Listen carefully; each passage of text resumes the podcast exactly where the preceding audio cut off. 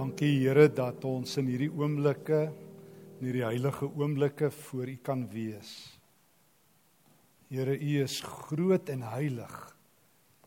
U heerskappy, U regering het nie 'n einde nie. U naam is so groot dat die hemelse skare dit oor en oor uitroep. Heilig, heilig, heilig is die Here. Wil U ons ook volgens fyn instem om die lof wat ons gesing het, wat ons in die troonsaal ingeneem het. Om dit ook in ons harte en ons lewens in te laat. Verander die inhoud en die toonaard van die gebede wat ons bid en die lewe wat ons leef. Rig ons lewe, Here, ook vanoggend deur die woord, deur die Heilige Gees op u koers. Wys vir ons die pad wys vir ons die lig. Wees u self die lig wanneer ons nou in die woord reis. Ons vra dit in Christus se naam, Christus die Here. Amen. Altyd se ek Sondag by gemeentespreek en ek ry terug dan uh, luister ek gewoonlik in die motor uh so na na bietjie musiek en uh, een van die radiostasies speel elke Sondag soos wat ons dit maar noem Golden Oldies en dis 'n versoekprogram. Net verlede Sondag toe sê die omroeper vir die mense wat nou nie hulle versoeke gehoor het nie, hulle moet maar moed hou eendag sal dit dalk op die lig gehoor word. En toe dink ek vir 'n oomblik daaraan dat dit is hoe ek vir lank oor gebed gedink het. Dat gebed min of meer soos 'n hemelse versoekprogram is en as jy gelukkig is, word jou versoek in die hemel gespeel. En as jy nou nie gelukkig is nie, dan moet jy maar vasbyt, jy's dalk nou nommer 5 miljoen in die lys. Maar iewers gaan jy dalk 'n gelukkie tref.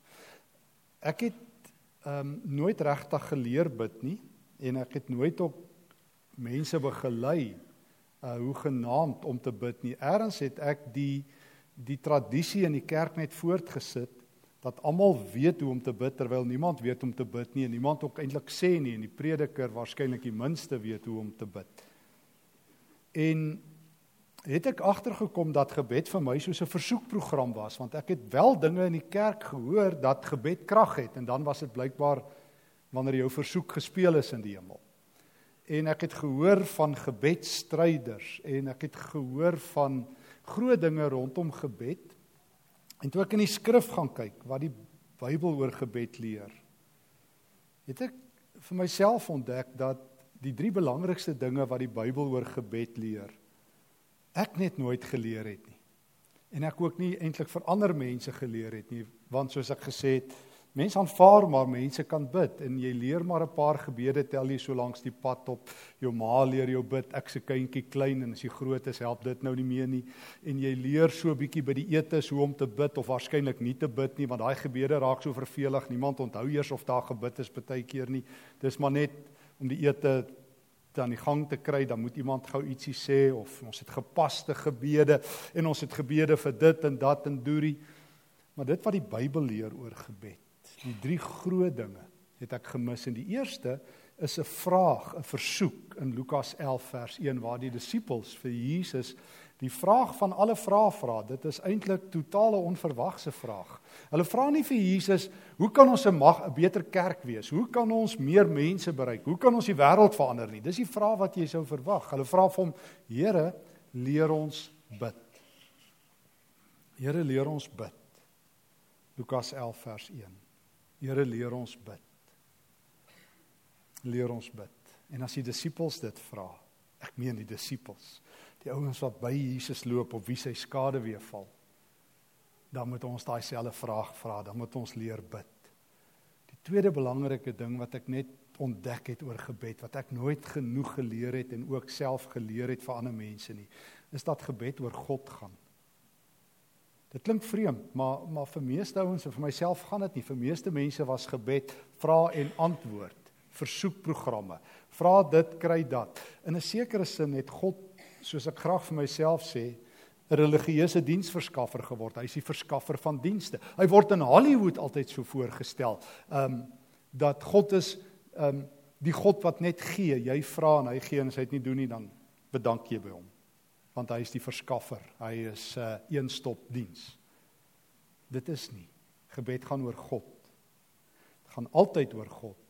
Selfs as jy in 'n krisis is, vra vir Jesus in Markus 14 as hy in Getsemane is. Bid hy nie net vir homself nie, hy begin eers by homself nie. Hy sê Here, wat U wil is. Selfs in die donkerste donker buig jy voor God. Gaan gebed oor God. En as jy nie so bid nie, gaan jou gebedslewe baie onaangenaam wees. Want dan gaan dit net oor jou behoeftes, dan is God net 'n verskaffer en dan besoek jy hom net as jy 'n diens nodig het, nie waar nie. En as jy die diens gekry het, het jy nie die verskaffer nodig nie. Terwyl die Nuwe Testament en die Ou Testament leer gebed gaan oor God. God is of genoeg of hy is nie. Jy kan of saam met Paulus sê in um Filippense 1, Christus is my lewe. Of jy leef jou eie lewe en dan kom jy net by God aanklop wanneer jy hom nodig het. Soos wat ek ook al hier vertel het vir ou wat ek by 'n ander kerk raak geloop het wat vir my altyd gesê het, hy kom vir sy jaarlikse diens as hy Kersfees kom. Ek het hom eendag gevra het is nou sy 24000 km diens of watter diens want ek is die tegnikus wat die diens moet doen. Ek moet net weet wat se soort diens moet hy kry. Maar hoe dit ook al sy. En die derde belangrike ding oor gebed, gebed is 'n verhouding. En jy kan maar gaan kyk, jy kan al die boeke oor gebed gaan lees. Jy gaan dit amper nêrens in enige boek oor gebed leer. Jy gaan hoor van die krag van gebed en die tegnieke van gebed en die onverantwoorde gebede, maar dat gebed 'n verhouding is. Jy praat met die lewende God en is die uitdrukking van daai verhouding en dit vat jou soontoe en dit vat jou weg. En daarom gaan ons vanoggend begin by by Lukas 11 se vraag en dan gaan ons na Openbaring toe. Die vraag: Leer ons bid, Here. En ons gaan stil staan by op grepe uit Openbaring 4 tot 14. Die afgelope paar keer dat ek die voorreg gehad het om hier te preek, het ek die soeklig laat val op Openbaring en ek wil graag daai selfde tekste net grepe uit besoek met een vraag. Leer ons bid. En ons gaan letterlik drie dinge doen. Ons gaan opkyk om te leer bid. Ons gaan vorentoe kyk om te leer bid en ons gaan in ons eie lewe inkyk om te leer bid uit die tekste uit.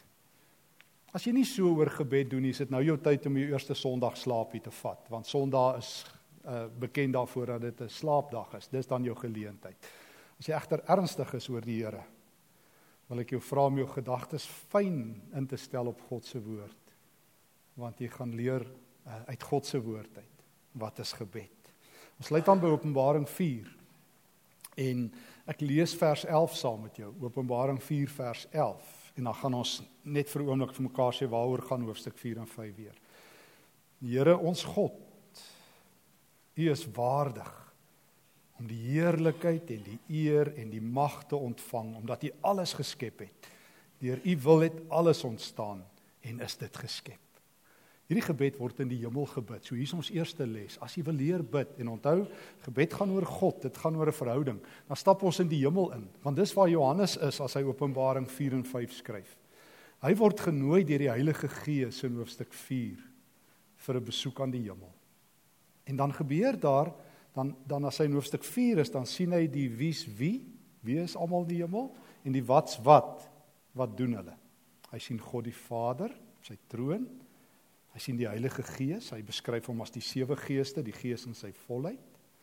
Hy sien 24 ouderlinge, dit verteenwoordig die volk van God, die hemelse kerk. 12 stamme van die Ou Testament, 12 van die Nuwe Testament, sit jy dit saam met die 24, dis die hemelse kerk. Vier lewende wesens, dis die skepping, dis die wie's wie. En dan begin Johannes sy andersindheid gebruik. Hy het gekyk en nou begin hy luister, wat gebeur in die hemel? En dan hoor hy dat die vier lewende wesens in hoofstuk 4 vers 8, dit is die die die skepping wat in die hemel verteenwoordig word. Dat hulle die taal van Jesaja 6 bid. Die grootste gebed van die hemel. Heilig, heilig, heilig is die Here God, die almagtige. Hy wat was en wat is en wat kom. O in die hemel is daar 'n diep bewussyn van God se identiteit. God is heilig. Ek weet nie hoe preek ek oor die heiligheid van God nie. Ek weet nie hoe kan ek dit kommunikeer nie. Ek weet die Heilige Gees moet help. Want die een groot diepte wat in 'n mens se lewe moet gebeur as jy groei in jou geloofslewe is dat daar 'n diep eerbied vir die Here moet kom. Dat daar te gelyke afstand moet kom van jou familiariteit met God, jou gewoond wees aan God, dat jy erns moet oppas dat jy so gewoond kan raak aan God dat jy deur 'n kerkdiens kan slaap en niks oorkom nie. Dat jy vir weke en maande in die kerk toe kom nie en niks oorkom nie dat jy jouself in die slaap kan bid en niks oorkom nie, dat jy oor God kan praat asof hy een van ons is en niks kan oorkom nie, dat daar in jou lewe as jy wil groei, moet jy iets verstaan van wie God is. Hy's die almagtige en selfs in die hemel, daar waar hulle hom sien met hulle oë, daar waar God in hulle teenwoordigheid is, is daar hierdie heilige eerbied. Ek lees dat die hemelse kerk dat hulle buig voor God. O Hulle is nie so familier dat hulle sommer net sit en lekker maklik met hom praat nie.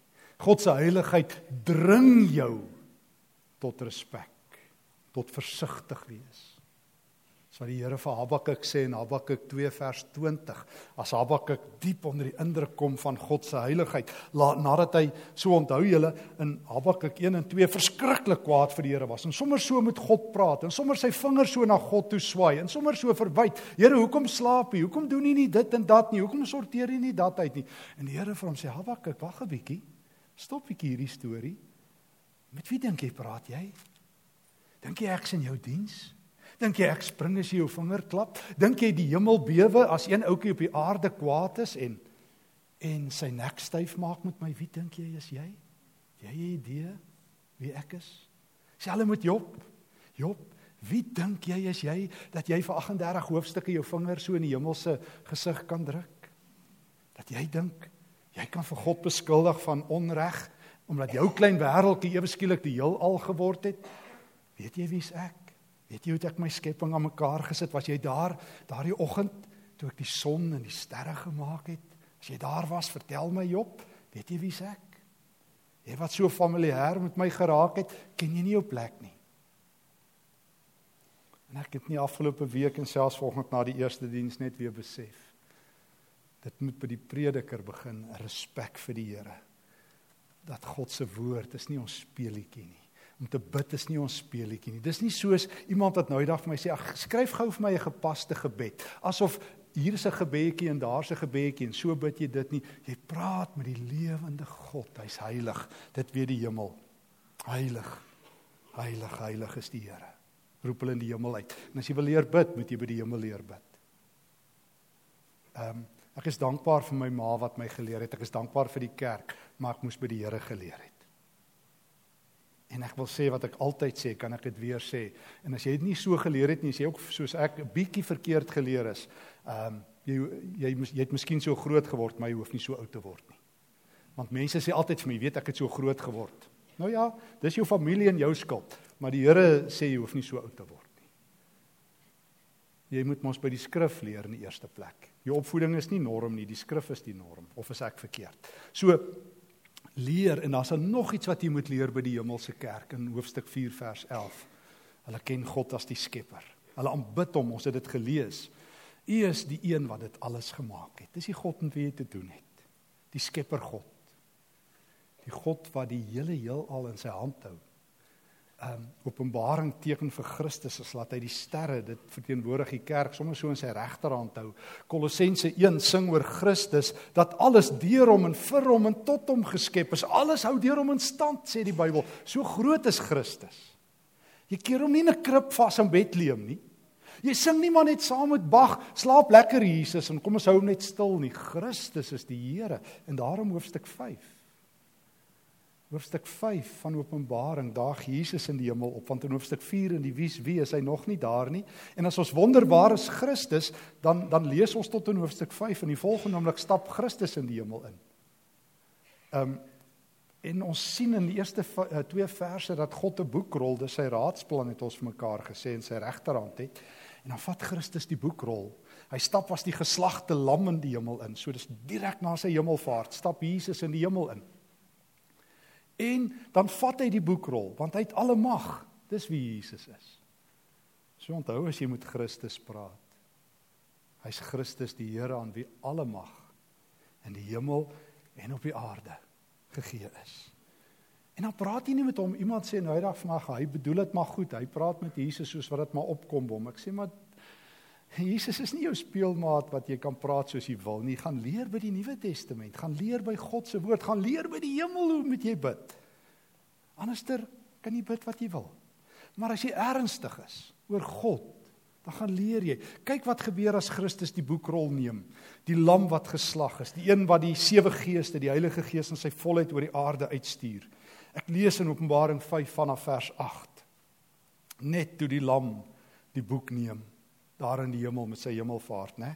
Hierdie vier lewende wesens, dis die skepping en die 24 ouderlinge, dis die hemelse kerk voor hom gekniel. Voor hom gekniel. Ook in die hemel buig hy voor Christus, nie net op die aarde nie, ook daar. So jy kan dit nou al inoefen. Want dis waarmee ons volgende besig is. Ons is besig om in die hemel in te kyk sodat ons die hemel aarde toe kan bring, sodat hierdie geestelike artritis wat maak dat jy nie buig voor die Here en buig voor mense nie tot einde kan kom. So dis sommer 'n genesing vir al jou geestelike skete as jy reg kan bid. So jy buig en elkeen het 'n goue bak vol wierook, die gebede van die gelowiges. So jy jy dra ook ander mense se gebed. Jy bid ook vir ander. En toe sing hulle 'n nuwe lied, vers 9. U, dis Christus, is waardig, net soos hulle vir God gesê het in 4 vers 11, u is waardig. U is waardig om hierdie boek te neem en die seels oop te maak omdat u geslag is en mense met u bloed vir God losgekoop het uit elke stam en taal en volk en nasie. Het u 'n koninkryk en priesters vir ons God gemaak. En hulle sal oor die aarde regeer. O, wat 'n gebed. Here Jesus, U is Here. U is koning. U is die Here van die Here. U kan die raadsplan van God oopmaak. Die hele heel alles U sinne. Dis wie Jesus is. Hy is nie die een wat vir jou sondes gesterf het nie. Hy's die Here wat die hemel en die aarde bestuur. Hy is die afbeelding van die onsigbare God Hebreërs 1. Hy is die een deur wie God praat. Um Johannes hoofstuk 1. Hy is die een wat sy bloed gegee het en hy het ons 'n koninkryk en priesters gemaak. Ek onthou as 'n jong leraar in Benoni waar ek in 'n gemeente was voor ek by universiteit beland het, was daar 'n oom wat um, elke Sondag in die kerk gebid het. Here, ons is sulke ou groot sondaars as die kerkraad bymekaar was. En ek onthou selfs as 'n jong ouetjie was iets nie vir my reg nie. Na die oom dit die 10de keer bid. Hoe gaan ek na hom toe te sê, "Oom, wat gaan in jou lewe aan? Jy bid elke Sondag vir jou sondes, maar dit lyk vir my jy kry klaar daarmee nie. Wat gaan aan?" Laat ons dit nou kan uitsorteer. Dat jy hoef nie elke Sondag nou so te begin. Here, jy weet ek is 'n ou groot sondaar en dan sê oom, ons moet die ding uitsorteer. Wat is dit? Want ek is nou bekommerd want jy's 'n ouderling. Dalk is daar dinge wat ek moet weet.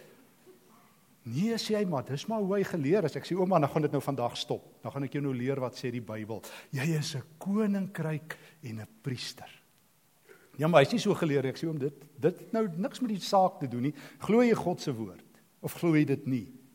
En dan gee jy van nou af reg bid of gaan jy kies om nog steeds jou vingers in jou ore te druk volwasse te wees? Ek bedoel soos ek altyd sê volwasse en te te bid soos wat jy wil. Want of jy luister na God en jy vat hom ernstig of jy doen wat jy wil. Of jy bid soos jy wil. Maar as God sê as Christus sê ek maak jou 'n koninkryk en 'n priester. En jy leef soos 'n kerkmuis en 'n sondaar. O, ons doen sonde, verseker. 1 Johannes 2, maar dan gaan sit jy by Jesus neer en jy kry klaar daarmee.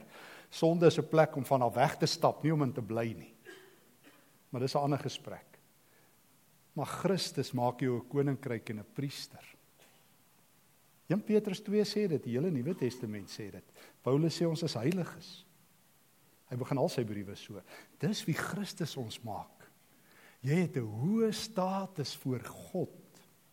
In hierdie wêreld 'n vreemdeling en 'n bywoner, maar by God 'n koning en 'n priester. As jy met hom praat, is dit een van sy priesters wat aan diens is. Ek weet nie waar daai storie vandaan kom dat net 'n man 'n priester is nie. Ek hoor dit loop so in die kerk. Die man is die priester van die huis. Dan sê ek altyd, "Nou waar lees julle dit dat vrouens dit nie ook is nie?" Julle kan my Nuwe Testament kry as julle vir my 'n teks kan wys dat net mans priesters is. Maar niemand het nog my Nuwe Testament kom haal nie. Vrouens is ook priesters in die huis. O, dit pas man seker. Ek weet nie, lyk vir my mans wat ego probleme het om die baas te wees. Maar wanneer jy Christus se woord verstaan, is almal konings en priesters. Meneer, mevrou, tiener, jong mens, oupa, ouma, jy is 'n koning en 'n priester, sê Christus, sê die hemelse kerk. Luister na die stem van die woord, nie na jou eie stem nie. En dan dan begin die hele skepping saam aanbid. Miljoene der miljoene daar in hoofstuk 5. En dan hoor ek vers 13 die hele skepping, alles in die hemel en op die aarde en onder die aarde, het ek hoor sê aan hom wat op die troon sit en aan die lam behoort die lof en die eer, die heerlikheid en die krag tot in ewigheid. Ekskuus as ek dit vir die hoeveelste keer sê, maar ek sal dit sê tot ek dit self glo. Het jy gehoor hulle kla toe nie in die hemel nie? Het jy gehoor daar's toe nie 'n klagtekommissie nie. Het jy gehoor daar's toe nie 'n departement wat klagtes hanteer. U kan nie klagtes indien hierso. As jy beswaard is, daar sit 'n paar engele wat klagtes hanteer nie. Het jy gehoor, daar was toe nie klagtes nie. Hulle het toe nie soos ek altyd sê lewensstorme breek in woede gesing nie. Of uit dieptes gans verlore van redding ver vandaan waar hoop se laaste spore in wanhoop. Mens raak depressief net as jy sê daai lied opsê. Ek weet nie hoe dit ons gesing gekry nie. Ehm um, Christus se kerk loof hom. En dan dan word ek elke keer in verwondering as ek as ek die gebedshelde van die Here sien, Paulus. Die man wat dit verstaan het, wat geweet het hoe om te bid. Wanneer hy in die tronk lê in Handelinge 16, onthou julle en hy lê in sy eie bloed en roggel nadat hom op vermors doodgeslaan het. Wat doen hy? Dan sing hy 'n loflied. Hoekom? Want hy ken Openbaring 5 se taal. Hy kan in die hemel in kyk. Hy onthou via die apostels dat Jesus gesê het in Johannes 1 as julle my glo sal julle engele sien op en af klim na die seun van God. Hy het nuwe musiek. O, en dan onthou ek Stefanus wanneer hy vermoor word. Dit wat ons so goed ken in ons eie land. Wanneer hom vermoor soos 'n hond met klippe doodgooi. Dan kyk hy op na die hemel dan sê hy ek hoor die hemel ek ek bid soos die hemel. Ek sien Christus aan die regterhand van God. So as jy wil bid, As jy wil leer om reg te bid, as jy Lukas 11 vers 1 ernstig opvat en jy wil leer om die essensie van gebed waas te raak, luister hoe word daar in die hemel gebid. Tweedens, Openbaring 7. Maar luister ook vorentoe. Ons het nou boontoe geluister na die hemel toe. Maar luister ook vorentoe. Openbaring 7. Ek weet nie van julle nie, maar ek onthou daar so ou reeks flieke en ek baie van julle het dit dalk ook gekyk het, Back to the Future waar die ou so hulle kom so tussen die tyd rondry. En dis mos 'n gewilde tema aan flieke dat jy so tydreise kan doen, time travel. Nou ek sê altyd mense dit kon reg gekry het sou dit ons al geweet het want hulle sou kom kuier het. So dit lyk nie vir my dit kan gebeur nie. Maar dis ook 'n ander gesprek. Maar maar feite is ons kan die toekoms sien. Openbaring 7. Dis ons almal se toekoms. Jy hoor wat gaan jy eendag bid. Ek gee jou die versekering met God se woord. Hier's die woorde wat jy een van die dae gaan bid saam met die kerk van alle eeue. Want God het die toekoms en hy het 'n stukkie van die toekoms vir ons oopgemaak. Dis nie geklassifiseer nie. Die hemel het um, toestemming gegee dat hierdie kyk van die toekoms in die Bybel kom. Hier in Openbaring 7 sien jy die laaste dag. Openbaring 6 het ons gesien een keer toe ons daarby stil gestaan het, vertel wat gebeur met nie gelowiges. In Openbaring 7 vertel wat gebeur met gelowiges. En ek hoor vanaf uh, Openbaring 7 vers 10 op die laaste dag, die dag van die Here, as ons almal voor die Here staan, hier's die woorde wat ons gaan sê. Hulle het hard uitgeroep. Ons redding kom van ons God wat op die troon sit en van die lam. Hier's jou woorde op die dag van die Here. Ons redding kom van ons God wat op die troon sit en van die lam. Al die engele het, het rondom die troon, die ouderlinge en die vier lewende wesens gestaan. Hulle almal het toe voor die troon gekniel want ons het mos nou geleer, dis wat die hemel doen, hulle buig. En met hulle gesigte na die grond toe en God aanbid en gesê amen, die lof en die heerlikheid, die wysheid, die dank en die eer, die mag en die sterkte behoort aan God tot in alle ewigheid. Dis wat jy in die hemel doen. Dis wat jy op die aarde doen. Dis wat jy by die wederkoms gaan doen. So as jy wil leer bid, sien jou toekoms. Dis gewaarborg. Dis die gebed wat jy gaan bid. Aan hom wat op die troon sit en aan die lam. Hy is ons redder. Hy is my hoop. Wanneer wanneer die lewe donker word, dan roep ek dit nou al uit. Ons redding kom van God wat op die troon sit. En wanneer ek langs groen weivelde loop, dan roep ek dit ook uit. Ons redding kom van hom wat op die troon sit. O, jy kan dit nou al bid as jy wil leer bid. Kyk na die hemel en kyk vorentoe. En derdens, Openbaring 14. Kry die gebede van die hemel hier en nou in jou lewe. So jy luister boontoe, jy luister vorentoe en jy luister na jou lewe toe. Openbaring 14 vers 1 tot 5. Lede Sondag aand het ons vir mekaar gesê en kan ek dit weer sê, dis die mees unieke teks in die hele Bybel. Jy kry net so 'n soort teks net hier met hierdie inhoud. Uh en niemand lees dit raak nie want almal sidder en bewe nog na Openbaring 13. Meeste mense het koue koors na Openbaring 13 gelees het want dit gaan nou oor die 666 merk en die merk op die voorkop en die regterhand en Christene kan daaroor ewigheid lank praat en SMS'e rondstuur en rekenaarskyfies uitdink en niemand lees amper ooit hoofstuk 14 nie. Wat sê Christus merk ook sy mense. Kom ons lees 14 vers 1. Toe ek die lam op die Sionsberg sien staan.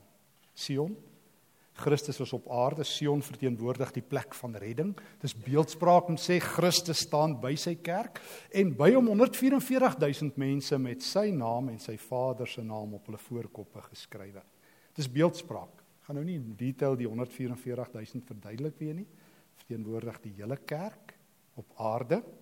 In die hemel is die kerk die 24 ouderlinge, op aarde 144000. In hoofstuk 7 kan jy gaan lees. Hulle is ontelbaar baie. Johannes praat van 144000, dan sê hy in 7 vers 9, hulle kom uit elke stam, taal, volk en nasie en hulle is ontelbaar. So is 'n beeld om te sê dis die volkomme kerk van God. So Johannes het ons nou in die hemel ingevat, het ons nou na die wederkoms toe gevat en die volgende oomblik vat hy ons in die lewe en hy sê en ek sien Christus staan by sy aardse kerk nadat hy hierdie sataniese magte gesien het wat mense merk, kom Christus en hy merk sy kerk. Hy skryf sy naam en sy Vader se naam op ons almal. En ek het geluid uit die hemel uit hoor kom wat klink soos die gedruis van 'n groot watermassa en soos die gedreun van swaar donderweer. Die geluid wat ek gehoor het was soos die van siterspelers wat op hulle siter speel, hoofstuk 5. So Jesus staan by sy aardse kerk en hy hoor hier op aarde terwyl hy by Jesus staan die hemelse musiek. Hierdie mense sing 'n nuwe lied vers 3 daar voor die troon en voor die lewende wesens. En ons het nou daai nuwe lied mos nou gelees, onthou jy? In hoofstuk 5 vers 9. Toe sing hulle 'n nuwe lied. So die Johannes staan op aarde by die aardse kerk en die aardse kerk hoor die hemelse musiek. Hierdie mense sing 'n nuwe lied 5 14 vers 3 daar voor die troon en voor die lewende wesens en die ouderlinge niemand anders as net die 144000 wat van die aarde af losgekoop is kon hierdie lied leer ken nie. Sjoe. Die aardse kerk kan hemelse musiek hoor. Dis 'n asemrowende getuienis. Die aardse kerk kan hemelse musiek hoor. Jy kan jou lewe instel op 'n ander sender. Ek weet nie wat se senders is alles op jou radio, op jou op jou motorradio gestoor nie. Maar daar's een sender wat net Christen het. Daar's een nalangstekens radiostasie wat net Christene die musiek van kan hoor en dis die hemel. Dis wat Johannes hier sê. Jy kan nou al die hemel hoor want jy kan dalk nou vra ja Stefan is nou goed jy vat ons nou hemel toe maar ek leef op die aarde. Johannes sê raai wat jy kan die hemel hoor. Jy kan die hemel hoor. Jy kan hemelse musiek hoor in Pretoria in 2019 want Christus is nie net in die hemel nie. Hy staan by sy aardse kerk soos die bose magte op hierdie aarde los is hoofstuk 13 hoofstuk 12 staan Christus by sy kerk om hulle op te pas En dis nie al nie, jy kan al hoor wat sing die hemel en jy kan dit agterna sing. Hoor daar's baie musiek. Daar is hopelose musiek, daar's gewone musiek, daar's oorlogsmusiek, daar's haatmusiek. Ons land het baie van dit. Daar's baie koorleiers. Elke dag môre by die werk gaan jy 'n klomp nuwe koorleiers hoor wat alweer oor die naweek nuwe musiek gekomponeer het. Ehm um, goorliedjies, hopelose liedjies, dis klaar met ons liedjies. Jy gaan by die manne met die kanne in die hande liedjies hoor. Jy gaan oral musiek hoor. Wie luister jy? Wie is jou lewe se radiostasie ingestem? Want die Here sê, nee ek nie, die Here sê hier in sy woord, jy kan hemelse musiek hoor. Want Christus staan by jou. Jy kan die geluid hoor van die hemel wat sing terwyl hulle op hulle siter speel. En hom wat op die troon sit en aan die lam kom alles toe. En dan moet jy kyk wat doen hierdie hemelse kerk in hoofstuk 4, ag hierdie aardse kerk. Daar staan in vers 3 niemand anders as 144000 vers 3 kon hierdie lied uh, hierdie lied leer nie. Dit is hulle wat hulle nie met vrouens besoedel het nie, bedoelende hulle lewe rein. Hulle het kuis gebly. Hulle volg die lam waar hy ook al gaan. Hulle is onder die mense uit losgekoop as eerstelinge vir God en die lam. Daar kom nie leuns uit hulle mond nie, hulle is onberispelik. So nou kan jy Jesus volg. Dis mooi, né? Jy hoor hemelse musiek en dan loop jy agter Jesus aan. Dis hierdie beeld. Dis 'n aangrypende teks. Dis so mooi. Jy hoor Jesus se musiek. Hy staan by jou. Jy hoor hoe sing die hemel oor hom en nou begin Jesus met jou 'n lewenspad loop. Want hy het met ons elkeen, hier sit ons almal. Hy het met ons elkeen 'n roete wat hy wil loop. En hoe gaan jy loop op die maat van sy musiek? En dis waaroor gebed gaan in Openbaring. Openbaring gaan daaroor dat jy die hemel kan hoor, dat jy die toekoms kan hoor, dat jy Jesus kan sien wat hier by jou staan. En dan begin jy hom volg op die maat van die musiek van die hemel. Daar is baie keer gehoor musiek in my lewe en baie keer in joune ook. Mens kom by plekke dat jy so uit is op jou voete, dat jy so klaar is, dat jou geloof aan 'n draadjie hang. Dalk is jy ver oggend daar, maar hier's goeie nuus. Die Here sê vir jou, jy's 'n koning en 'n priester. Die Here sê vir jou, jy het die kapasiteit geestelik om nuwe musiek te hoor. Jy het die geloofskapasiteit om hom in die geloof raak te sien en om hom te volg. En jy gaan waaragtig omdat Jesus jou gekoop het. Een van die dae 'n nuwe lied sing wat sê ons redding kom van hom wat op die troon sit en van die lam. Nou vir wat? As dit alles waar is en dit is, leen jy jou ore uit aan gehoor musiek. Vir wat bid jy hooplose gebede? Vir wat maak jy God net 'n verskaffer van dienste? Hy's die Here met wie jy in 'n verhouding staan wat jou liefhet. En hy sê vir jou: Ek is die almagtige, maar in Christus is ek by jou. Leer nie bid. Vra op nuut vir die Here Jesus, leer ons bid en gebruik op nuut die skrif en raai wat? Jy sal die lam volg net waar hy gaan. En raai wat, jy sal van vandag af, soos wat hoofstuk 14 vers 3 sê, niemand anders as die 144000 mense wat losgekoop is kon hierdie lied leer sing nie. Oefen, sing dit. Jou lewe sal vir altyd anderster wees tot in ewigheid. Amen. Here, dankie vir die woord. Dankie dat U my lewe rig op die skrif. Dankie vir die skrif wat die lig is vir my pad. Dankie dat ek uit Openbaring ook kan leer bid. Dankie dat ek in die hemel kan inkyk in die troonsaal en kan hoor U is die almagtige. Die allerheilige God, die driemaal heilige. Dankie Here dat ek kan hoor U is die skepper van die aarde en die hemel. Ek buig voor U. Vergewe my my voorbarigheid dat ek te maklik, te gou, te haastig praat. Here Jesus, dankie dat U alle mag het in hemel en op aarde. Dankie Here dat U die boekrol God se wil in U hand het. Dankie dat U met U bloed vir ons losgekoop het. Dat U vir ons koninkryk en priesters gemaak het. Mense wat heers, mense wat kan bid. En dankie Here dat daar nuwe woorde is op ons lippe. Aan hom wat op die troon sit en aan die lam kom toe die lof en die eer en die heerlikheid. En dankie Here Jesus dat ons die toekoms kan sien. Dat ek nou al kan sê wat ek eendag gaan sê aan hom wat op die troon sit en aan die lam. Kom al die lof toe want U is ons redder. En dankie Here dat ek vir U op die Sionsberg hier rondom my kan sien en dat ek U kan volg. Stel my ore fyner in en my geloofsoog om beter musiek te hoor, om die musiek van die hemel hier op aarde te hoor totdat U my kom haal. Totdat die ewigheid aanbreek in Jesus naam. Amen.